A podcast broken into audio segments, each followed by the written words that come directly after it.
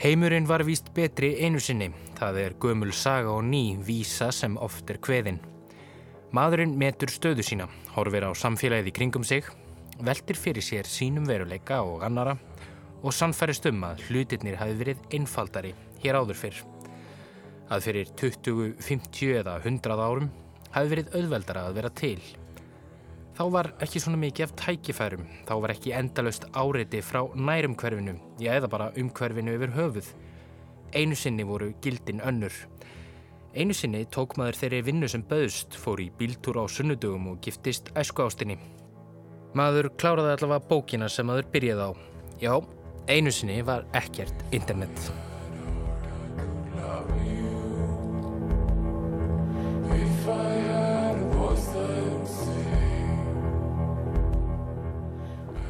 Þið eru að hlusta á útastáttin Þræði á Rás 1. Ég heiti Guðmundur Björn Þorbjörnsson og mun í næstu tæmur þáttum þráðu að spjalla við viðmælendur úr ímsum áttum um stöðumannsins í sítengdum heimi og áhrif sítengingar á dagligan veruleika mannsins. Í þessum fyrir þætti einbyttu við okkur að því að greina ástandið sem er til umfjöllunar. Hvað er sítenging og í hvaða átt er hún að leið okkur? Hvaða áhrif hefur það á okkur að vera með heimin í vasanum? Hvað hefur breyst á síðustu 10-15 árum? Og hvaða áhrif hefur það á einstaklingin og hefni hans til að vaksa sem manneskja? Og hér og þar heyru við Alla Frey Steinforsson lesa Valin Týst af samfélagsmiðlinum Twitter. Bara svona upp á gamanið.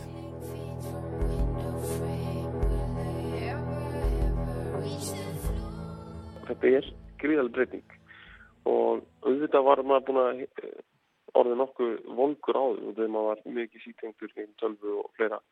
En það er eins og að sé einhverja eðlisbreyting sem verður við það þegar, sítengingin færist frá því að vera einhverjum skjá, einhverju, einhverju förstu tæki sem er tölvan sem er ákveðið heimili á einhverjum ákveðnum stað svona hefur ákveðið space bara í lífmanns og komið séðan onni vasamanns með snjálftíma og þetta er líka svona exponential vöxtur í öllu. Þetta er náttúrulega sem eitthvað sem við kalla interneti 2.0 Bergur Ebbi Benediktsson er mistaranemi í framtíðar og nýsköpunarfræðum. Það eru akkurat fjör ár síðan Bergur egnaðist sinn fyrsta snjálfsíma þegar sonur hans fættist. Internetið 2.0 eða Web 2.0 sem hann nefnir er heitið því vef viðmóti sem við þekkjum í dag. Með tilkomu Web 2.0 fekk notandin aukintæki og tól upp í hendunar til að móta, skapa og framleiða sjálfur eiginefni og koma því á framfæri. Internetið hefði verið gert notendavætna og var ekki lengur aðeins leikvöldur nördana. Bergur talar frá Kanada þar sem hann er búsættur. Ég held að þetta breyti rosalega miklu og svo ég komi aftur á sjálfum mér. Ég menn að þetta breyti hvernig ég umgengst vinið minna fjölskyldu, hvernig ég fylgist með uppvexti barna vinið minna og, og, og fjölskyldu. Uh, hvernig ég fæ ráð, hvernig ég, þú veist, hvernig maður byrjar að crowdsourca eða leita ráða alltaf hjá hóknum fyrir verkefni sem maður þarf að gera. Bæði fyrir sko uh, eitthvað, eitthvað sem hefur verið gert miljón sinni máður eins og ef maður þarf að gera við garstatu þá googla maður það. En líka kannski fyrir eitthvað sem er alveg uník og hefur bara að gera með maður sjálfa fyrir þá leitur maður bara ráða hjá vinum sínum. Og maður verður þess að háður þessu. Og maður verður háður náttúrulega viðblöðum annara maður verður háður einhverju leiti meðtekningu annara uh, og samþyggi og uh, það á endanum hefur öruglega miklu áhrif á sjálfsmyndina og ég, ég bara þetta er náttúrulega eitthvað sem stendur mér og nærið til þess að geta alveg greint þetta allavega hvað sjálf með það. Er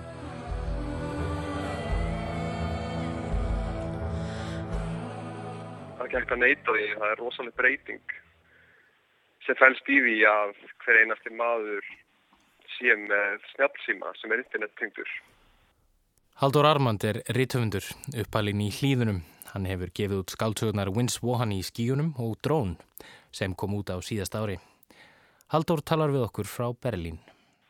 Það er eitthvað í eðli tækni frá það sem einhvern veginn læti þær brjóta sér leið inn í hverstarslíf fólks. Um, bara dæmi eins og tölvupóstur eða farsími það var auðvitað ekki vandamál að vera ekki með farsíma fyrir en farsímar komið til sögunar og ég held að sama, nákvæmlega sama ég við um snjálfsíma og samskiptamil á þess aftar. En breytingi fælst í því að lang, lang stærstur meirulhuti fólks er núna aðgengilegur alltaf sama hvað hann er. Og um þetta er þriði viðmælandu okkar einnig samóla. Breytingin er sannarlega mikil. Hún er til ímessa þátt að veruleikans. En af hverju við tökum virkan þátt er óljóst. Náttúrulega hluta til er þetta bara eitthvað erðarleysi, þú veist, og að kunni ekki láta sér leiðast. Þetta því að þú veist, maður er svona, um, maður hefur þú veist, einhvern valmöguleika að vera, skiljur, alltaf að einhvern veginn sjá eitthvað nýtt og, anna, og vera skemmt. Og kannski líka, þú veist, vera virkur þáttakandi, skiljur, þannig að skemmta öðrum, eða skiljur, eða þú veist, tvíta og eitthvað þannig, en já, ég, mér veit ekki, ég, veist, ég veit ekki hvort að þessu hefur verið beint þrýst upp á mig. Eða, þú veist, það er mjög einfalt að bara leggja síma frá sér og ekkert ekkert þátt í þessu. Lóa Björg Björnstóttir er nefn í Listaháskóla Íslands. Hún notar síman mikið og hefur fundið fyrir breytingum síðustu ára. Við hittum Lóu á kaffehúsi í miðbænum og slögtum á símanum á meðan. Já, ég hef alveg fundið fyrir því. Ég hef svona um, notað hana meira en tölvuna mína og, um, og allt sem ég gerði í tölvunni og sím, eða, bara í tölvunni ger ég núna, þú veist, aðalega í símanum mínu og nota eiginlega tölvuna mína bara sem svona mjög dýrt vördskjál. Skiljum, þannig að ég bara svona er að gera allt hitt í símanum mínum þannig að þar leðandi nota ég hana mjög mikið síman. Hefur þessi umræta sítenging flekt hlutina? Hefur hún haft áhrif á þekkingar og tilgangsleit mannsins? Sítenging er þýðing á enska orðinu hyperconnectivity. Húttekkið leitast við að útskýra það ástand sem við flest öll kannumst við í dag. Við erum tengt frá morgni til kvölds. Við erum á 4G eða Wi-Fi. Alltaf sítengingin hefur óhjákvæmilega stórtæk áhrif á stöðu mannsins í heiminum. Við erum ekki lengur að tala um einföld tæki, heldur veruleika sem hefur bein áhrif á hvernig við tengjumst öðru fólki og einnig hvernig við mætum okkur sjálfum. Sítengingin leitar jafnmikið inn á við og út á við. Að skoða hárgreðslur á Pinterest er góð skemmtun. En þetta er kannski ekkert nýtt. Þannig að þessi atriði með ofnátt upplýsingar, þá uh, var byrjað að fjalla með það lungu, lungu að interneti kom og alltaf var lungu að samfélagsmiðlar og, uh, og, og sneltsímar komu. Það er til dæmis sko bara í fyrir fjölmiðla hérna byltingu sem var á 2000-stöld þegar bara svona massmídia verið til, til dæmis sjómar. Þá voru menn byrjað að hugsa þetta er allt mikið áriði fyrir, fyrir fólk og til dæmis hérna sem þetta helst í svona sérfræðingur heimsins, svona popular scientist er nýmiðla sem var Marcia McLuhan á kanadísku fræðindag og skrifaði rosalega mikið um þetta og, og áhrif uh, ofgnóttar upplýsinga á sjálfsmynd mannsins og einstaklingsins. Og ha, það er svona fræk tilvitun frá honum þar sem að segja when faced with overload of information you are forced to recognize patterns. Sem að þú ert þú þvingar til þess að finna minnstur þegar þú, þegar þú uh, stendur fram með fyrir svo mikið af upplýsingum. Og ég held að þetta sé bara líka það sem ný kynslu gerir. Ég held að maðurinn sé alveg örugla hæður og ég held að sko ég held að það sé alveg rönglið að líta sem svo að það sé alveg vita vonlust mál að, að fólk í rauninni sé hægt að lesa illjónskviðu. Í fyrsta lagi það er það var alltaf einhver sem að lesa illjónskviðu og í öðru lagi þá sko þá held ég fólk sé að lesa í minnstrin í þessum ofgnótt upplýsingar því vissilega er þetta ótrúlega mikið einhver aðvarsöðu og þetta er bara saga sem við sjáum ekki að það og hún, hún hérna að hún er ennþá minnstur og þá þarf að tengja svona saman punktana og kannski er þetta bara kynnslóð sem kemur eftir okkur sem að sér stóru söguna, stóru drættina. Já, kannski er það ekkert nýtt að upplýsingum og efni sé ótað að okkur, en staðan er enga síður öðruvísi í dag. Það sem eitt sinn þótti óvinnilegt er nú orðið vennilegt. Það sem eitt sinn var framandi er nú eðlilegur hluti af okkar daglega lífi. Það er líklega ekki lengur raunhæft að halda því fram að þetta séu tveir aðskildir heimar. Ég ætla að gerast svo djarfur að halda því fram að hér ríki engin tvíhyggja lengur. Við erum sítengt og mörkin milli hins aftengta veruleika og tengta eru að verða óljósari. Baðvóin okkar getur sagt okkur hvernig veðrið verður á morgun og úrið á hendinni lætur þig vita ef þú ert að verða á setn á fund. Og hvaða þýðingu hefur það? Er hægt að taka ekki þátt? Það er mjög erfitt að sér til að taka ekki þátt í hennum stafræna heimi í dag. Það er bara, það er mikið, mikið skilabóð í því að við erum ekki menn. Og uh, ég held að það sé ekki bara spurningum viljastyrk, heldur líka bara viltu vera erstu tilbúin að vera svo manngjörð sem bara tekur ekki þátt? Þú veist, mér liður bara eins og við getum öll lifað án allra þessara meðla, sko. Fattur og þú veist, Facebook það er bara, skilur þessi gamla klísi að, að þú veist hald, halda, skilur sambandið fjölskyldunum sinna og vini sem búi í útlöndum. En þetta er samt eiginlega orðin bara svona auglýsingabæklingur sem þú veist búin að skrá allar upplýsingarna inn á. Þú veist, því við getum alveg allt sem við gerum á Facebook getum við gert annars þar við getum, þú veist, tala saman í e-maili og við getum gert grúpur á, þú veist grúptjött og eitthvað þannig skilur það er svona komin upp og eitthvað svona bara, þú veist, gera Facebook óneðsilegt Já, kannski er það hægt en ætli við séum þá að fresta hennu óumflíjanlega Life Goals Ganga gráhærður um vínkjallaran minn í þykkum slopp. Strjúka fingrum laust yfir flöskurnar. Horfa á rikið, falla til jarðar. Ég hef mikið aftengt mig og veist, verið veist, úti í, í, net, í einhver netsambandi, skilur og þannig að en það er samt svo merkilegt að þú veist, ég var eitthvað svona fór í gangu á hálendinu í sömur þar sem er ekkert netsamband. Og og eh, þú veist það er ekkert sem gerist sem maður missir á á netinu meðan þú veist þú þarfst ekkert að vera á netinu. En hausun manns er samt alveg óskýr skilur þú veist, þú veist ennþá bara þú veist þú að hugsa þú veist þú getur, þú getur alveg slögt á netinu en þú getur ekkert flúið skilur í sjálfa þig Á árdugum internetsins var skiljanlega talað um netið sem óveinilegt rými, stað þar sem tilraunir með sjálfsmyndina færu fram Netið var aðskilið svið frá raunheiminum, síndarveruleiki sem stangaðist á við og var í mótstöðu við aftengta tilvist okkar, fjarrri tölfunni. Búin að sitja á kaffihúsi í þrjá tíma og það er svo góður playlisti í gangi að ég tím ekki að fara. Þrýr tímar og ekki eitt lélegt lag. Einhverju voru bjartsinir og letu jákvætt á þennan nýja vettung, aðrir ekki. Eins og gerist og gengur með allar tækninníungar og framfarir. En á hvaða stað erum við núna? Það er alveg öruglega mótuniskeið. Það má vel vera mjög margir séu að, sé, já, það má vel vera sagt, þessi tími ógnáttur uppsengar sé að fara illa með, með svona sálarlifið í mörgum. En eh, það bara, til dæmis eitt sem maður getur gert því að finna einhvern minnstur, að við höfum verið kynnt fyrir nýjum miðlum á, á, á, á tímum með fólk sem, sem, sem er á lífi í dag mann vel eftir. Og fyrir að sjónvart kom fyrst þá fannst eldri kynnslóðum að vera alveg fræla. Þeim fannst þau skildi bara ekki þess að sko þetta er einni síbylju en það er ekki orð sem að nota í tengslu sjónvarp og útvarp hvernig þú getur bara kveikt á okkur og það er bara eitthvað í gangi og það er í gangi hvort sem að þú kveiktir á því eða ekki. Það er þessi hugmyndu um það að það sé bara sagt, uh, transmittaði gegnum loftið og það sé bara alltaf einhver að segja einhverja skonir, segja einhverja sögur og þú fyrir bara að vera með viðtæki og kveikja því.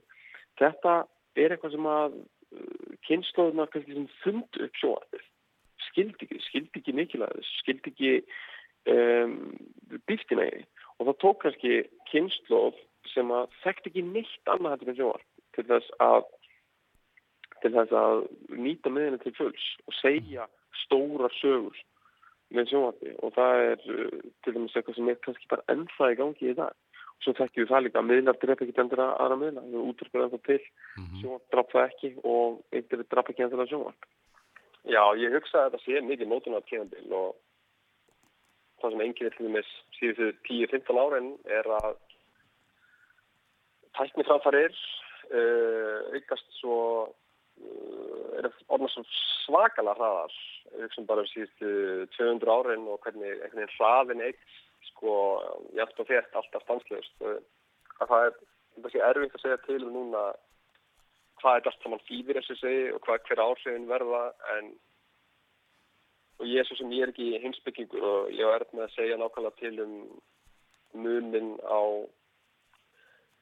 á einhverjum svona sem við getum kallað hlindraveruleika og raunveruleikanum en ég held þess að fólk hafi mannfólk yfir höfuð hafi búið yfir gífulegri aðlögunarhefni og uh, ég held að mannfólk muni, muni standa sér hlýðin í arðar og muni líka standa sér sko samskiptamera og þannig heim sem, sem þeir bóða. Hvað er eiginlega hægt að gera margar myndir um ungar ásleiknar konur á átjánduöld? Rúf hefur að minnstakosti pott þétt síntar allar.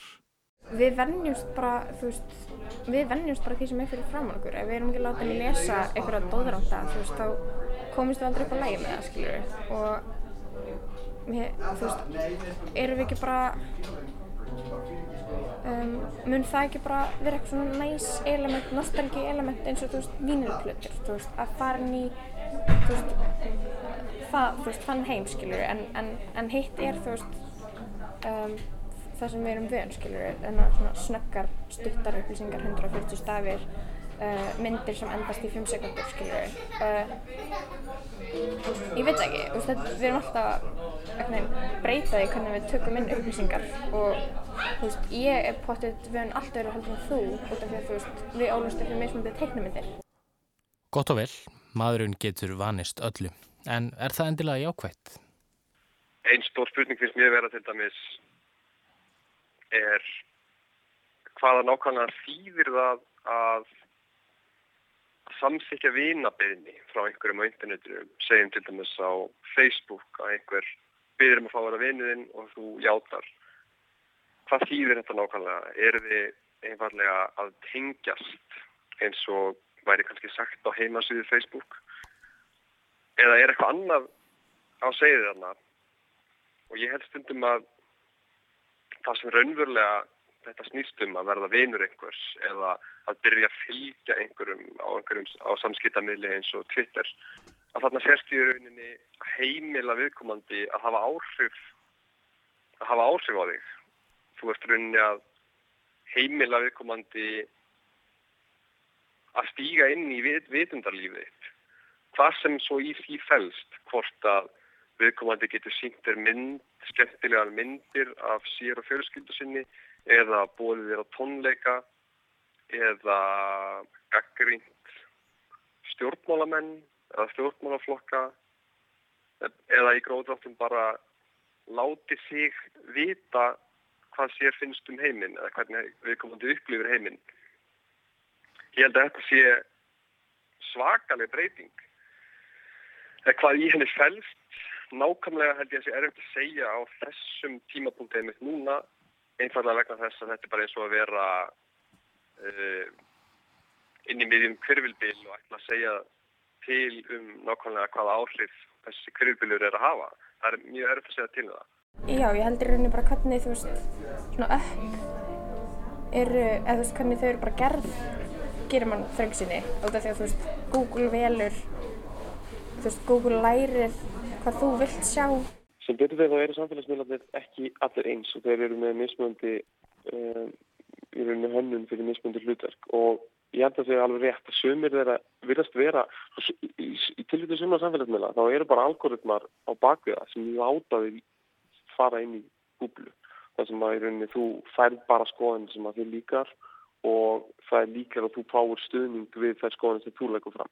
Á, og ástæðan fyrir því að þessar algoritmar setti fram svona er út af því að sumir samfélagsmiðlar Facebook er svona stórleiti þeir vilja náttúrulega fyrst og þess bara að þú hangir eins mikið inn á miðlunum og mögulegt er. Og einhverja rannsóknir eitthvað sína það að maður hangir frekar inn á miðli þegar maður er að sjá okkar sem maður líkar við og þegar fólk klapp mann á baki þegar maður lendir í mótlandi og það eru alltaf bara eitthvað mannlegar ástæð fyrir því. En það má líka ekki glema því að það, það getur vel verið að sé tíska sem að vísi og nýji þess eins og öllu öðru og eftir 20 ár þá bara verður þetta öðruvísi. Og fólk bara sé meira tilbúið í rökræður og rifrildi og, og þá munum algoritmandi breytast. Þannig að við skulum sko, það er ekkert kannski svona eðli í þessum miðlum og hvernig þau eru settið fram. Twitter er síðan dæmi kannski um, um miðl sem að viskar ekki sem rökræður og það er alveg bara út af sko það er ekki út af nefnum algoritmiðaninu, það er bara það er rosalega mikið takkakur því hversu látt um, það sem þú setur fram getur verið. Og hann er í rauninni bara fjöldamiðl það sem þú getur sett fram svona mismunandi svona mismunandi litbriði ákveðins tíðananda og ég held að sé alveg rétt þetta sé, þú þarf bara að finna þér þitt um, þú þarf bara að finna þér þinn vettung inn á Twitter þar sem það muni virka Búin að halda að það sé 50 dagur alla vikuna svo þegar það er loksins 50 dagur þá finnst mér ekki vera 50 dagur. Er það að tengja? En hver er þá við stjórnvölinn? Eru við þá orðin hluti af reysastóru samofnu kerfi sem hugveran, einstaklingurinn, er djúft sokkin inn í? Hinn sívægstanda heimur samfélagsmiðla er rætt og öruglega að innleiða nýja menningu sjálfsens og mannleira samskipta, líkt á rannsóknir sína. Við getum kallað þetta nýja hlutverk sjálfsens, einhvers konar sjálfsfjölmiðlun. Í gróðum tóttum að reyka fjölmiðlum sjálfa þig sem getur verið með þessu virkur en það er svona það sem við erum gróðum dráttum að gera.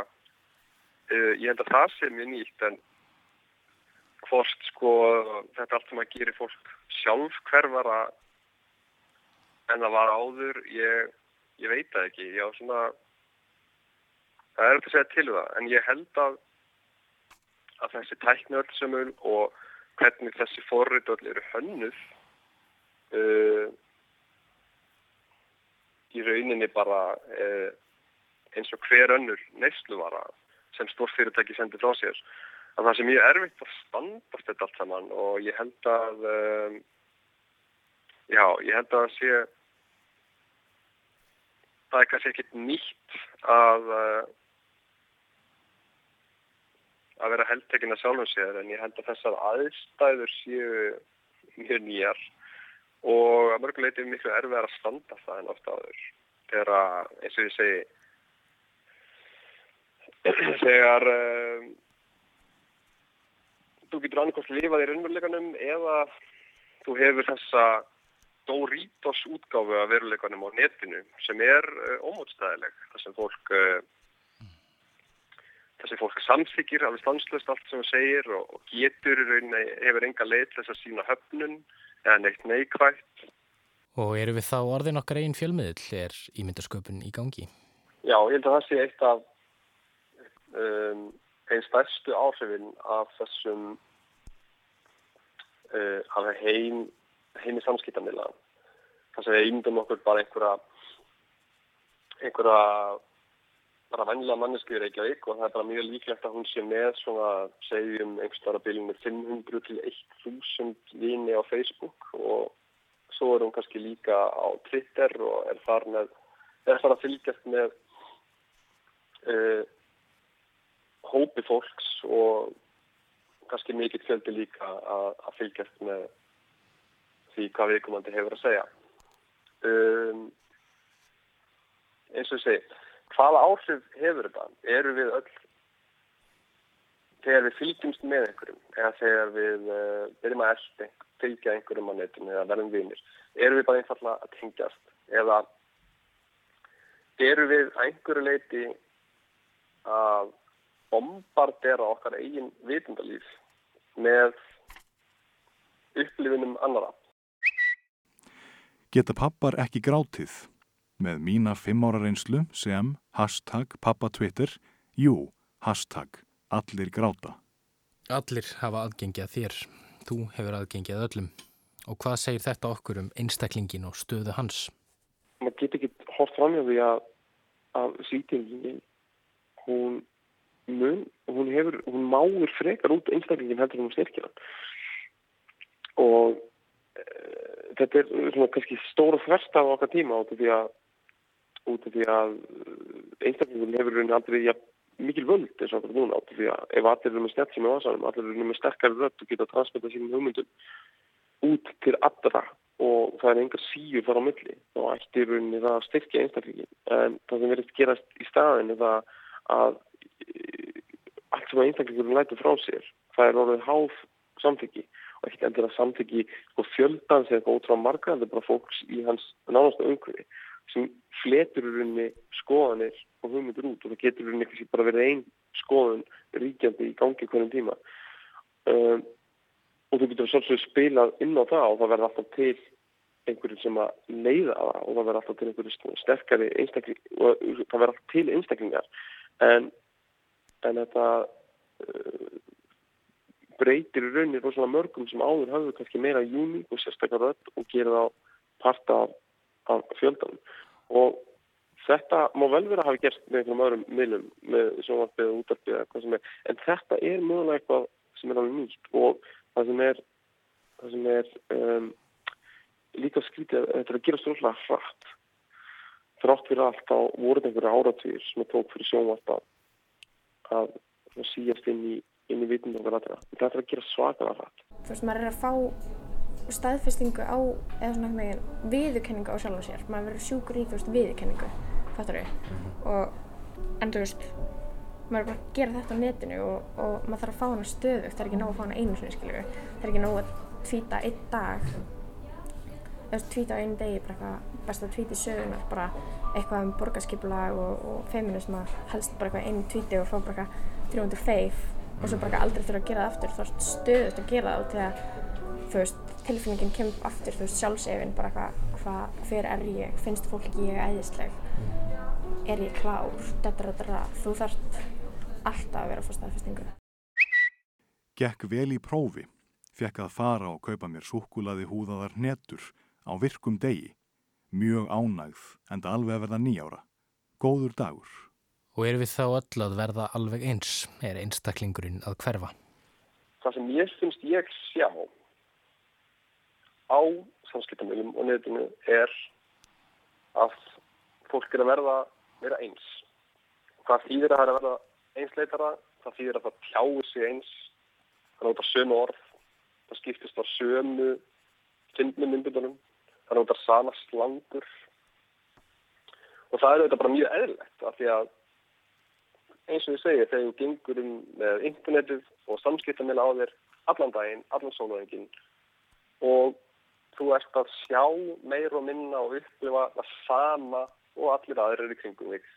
Alveg stanslust og segja heimir sér að minga á þannan hátt þá ertu líka til dæmis jafnaldrar þínir erlendis er eiginlega bara eins og þú. Þú er komið frá allt annari menningu og allt öðru uppbyldi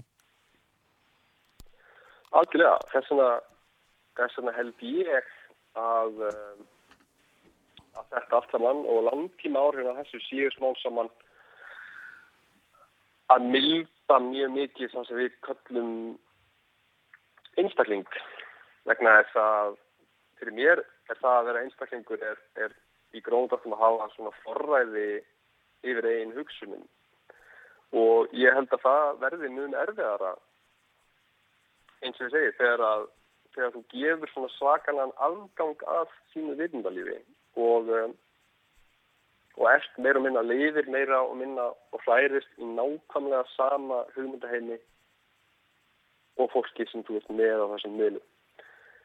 Þetta sjóma náttúrulega eins og okkur stór dómur að einstaklingurinn sittu öðendur en ég held að það sé ekkert það fyrir ekkert endilega að vera eitthvað rosalega slæmt. Ég held að af þessu komi líka miklu meiri, það getur komið meiri samkend og uh, við sjáum netbildingar sem að hótt fyrir stað, það er náttúrulega mjög merkilegar og það er náttúrulega að stafa einhver leiti nákvæmlega út af þessu að, að reynslu henni fólks er sá sami og hérna þá voru fólk að taka mjög stór skref í sammenningu sem er ekki þórað að gera annars. Hashtag sexdagsleikin, hashtag fríðanippul. Svona á að nota samskiptamiðla til Hamingju Ísland. Við erum að reyna að na, búa til eitthvað svona manneskuna sem við vildum helst vera sjálf, skilur við. Og svo manneska er gætt fullkominn og þú veist, fyndið hennar skemmtilega og, og ógislega sætt og alveg gætt flott týpa eitthvað. En, en svo eitthvað svona sérmar þú veist, það er alveg gætt margir sem að hérna er konum með nóa þessu þannig að maður sé svona við og við eitthvað svona status að það sem fólk segir bara eitthvað hei ég ætla bara að vera einlægur. Eða ég ætla bara að vera einlæg. Og, og talar eitthvað svona óbískapt um tilfinningar sinna og lífið sitt skiljur en, en þú veist þegar ég sé þetta þá hugsa ég bara svona þetta er, veist, þetta er alveg mikil sviðsetning. Þú veist, þú veist alveg mikið að hvort sem þú veist að þú veist, gerir svo ég sem uh, einhver annar bara bylla og þú veist nota kaltæni eða þú veist deila eitthvað sem þeim finnst mikilvægt að deila eða hvort þú komir og ert eitthvað svona tekur allt þetta niður og, og ætlar einhvern veginn að fara að stinga á okkur kýli og, og einhvern veginn ofinbæra hvað Facebook er alltaf svona þungað og yfirbúrskend og, og svona fara eitthvað að segja þú veist hvað það er í alveg erfitt. Það ert samt alveg líka að þú veist, þú veist alveg mikið að þú veist sviðsita sjálfa þig. Þú veist alveg mikið bara þú veist eitthvað representation af þér að tala ekki þú sjálfur Það eru líklega engar nýjar frettir að maðurinn sé upptekinn af sjálfum sér. Hvort hann sé eitthvað uppteknar af sjálfum sér í dag en áður skal ósagt látið. Kanski tökum við bara meira eftir því. Við getum til að mynda fylst með venjulegu fólki, vinum og vandamönnum í beitni útsendingu í gegnum fórættið Snapchat. Að reyma skóna sína, að drekka kaffi og þau fá tilkynningu um að þú hafur hort á þau. Fyrir mér þá finnst mér hinn stafræni veruleiki Uh, eins og ég upplifan þá finnst mér það mjög mikið eins og að fara inn í mjög uh, óendanlega stóran speiklafall í tífólíi þar sem eru óteljandi speiklar þar sem þú sérð uh, mismunandi brenglalar útgáður af þér orðanveruleikanum í þessum ólíku speiklum og mér líður svona stundum eins og við séum öll saman inn í þessum speiklafall að verða fyrir okkur svona misbrenglaðar útgáður af veruleikanum og einhvern veginn svo eina speilmyndin sem er ekki að minni er, er svo sem er raunveruleg. Kanski þetta mjög kaldrannaleg sín en, en uh, ég held að þetta sé svo leiðis. Hvaða áhrif að hefur einstaklingin um, það er alltaf mjög sérstaklega til þess að fólki er núna í einhvers konar um, horfið stanslust upp á ef við horfum út um aftur við styrjum samt við myndlíkjum um speilmynd að fólk er stanslust að horfa í auðvísin einn speilmynd eða eitthvað nátt um, og það að ganga með snjálfsíma og vera sítengdur er einhver leiti að vera stanslust stanslust að, að pæla í, í sjálfum sér og ímynd sinni Og þetta eilur af sér friðleysi, eða hvað? Hefur við kannski alltaf verið erðarlaus? Er sítengingin ekki letjandi? Ég hef aldrei haft svo mikla einbindingu en ég held ég, þú veist, beinin, eða þú veist, það er kannski auðveldra fyrir mig að, að komast í burtu í smá stund. Að ég hef alltaf bara, þú veist, einu sinni þá fór ég kannski bara eitthvað að skoða iTunes-ið hjá sýstu minni eða eitthvað, skilur. Það var bara, þú veist, tröflunin mín. En ég held að líka með þú veist einbindingu og, vera skýr í haustnum að þannig að ég veit ekki hvort að maður myndi fjarlægi alla tækni að maður er, það endilega skýrar í haustnum, skilur við en ég finna þannig að ég finn samt líka að um, þetta er svona maður setur inn hugmyndir á Twitter eða svona eitthvað og svona skapandi orku sem að maður er þá klálega að beina þangað en ekki í þú veist vinnunum hans sem á sér stað þú veist í skólanum, skiljur við. Ég held að maður þú veist, ef maður hefur yrð og ef maður er, skiljur við eitthvað svona sáttur og, hana, og í núinu og vill vera að gera það sem maður er að gera akkurat núna og finnst það frábært þá enna trubli hitt mann ekki. Eða, það, það, það er mín hugmynd sko núna að, að ef ég er að gera eitthvað nógu æðislegt þá um, þarf ég ekki að fyrir síman, skilur við. Og það er bara svona þegar ég er að gera eitthvað ógeðslega leðilegt og glatað þess að mér fyrir síman. En ég veit ekki, þú veist, um, kannski er þetta bara eitthvað svona gett mikið mix að maður fer á samfélagsmiðla, samfélagsmiðla gera mann þunglindan og erðarleysan þá hættir mann að gera hluti og hefur ekkert að gera og bara eitthvað kíkja á samfélagsmiðla og þetta verður svona vítarhingur. Emitt, þetta held ég. En við erum þrátt fyrir þetta manneskjur og manneskjan leitar að tilgangi. Hún leitast eftir því að ráða yfir sér sjálfri, hafa sjálfstæða hugsun og mögulega einhver tíman líta svo á að hún hafi ekki flotið sofandi að feigðarósi. Kanski eigum við að hafa áhyggjur. Þetta hljómar ónýttalega stundum eins og vísindaskálsa sem endar ítla það er reyninu spurningin uh, stjórnum við allir þessari tækni eða þessari tækni þróun eða stjórnum hún okkur er eitthvað ég segi fyrir sjálf mig að mér finnst eitthvað rosalegt. Ég fær rosalega svona allræðis tilfinningu öllu sem tengist netinu og uh, og uh, mér líður mjög mikið eins og ég sé skikkaður í ákveðin farveg þar gegn vilja mínum. Vissulega uh, vissulega er, er reynd að tellja manni trú um að maður sé algjörlega við stjórna þessu öllu saman. Að þú getur stjórnað uh, þínum, þínum hérna þínum privacy stillingum og þú getur valið hverjum þú fylgist með og svo framvegis. En ég held að það sé algjör tálsing um, það er ekki þannig. Og uh, þú miklu frekar stýrist að því sem sem þessi tækni í, í það átt sem þessi tækni vil fara með þig. Uh, hvað sem það er hverju sinni held ég. Þetta er allt saman hannað af ábóðslega klára fólki og uh, ég veist oft svona með ekki gleyma því að þetta er, þetta er bara eins og hver önnur nesluvara.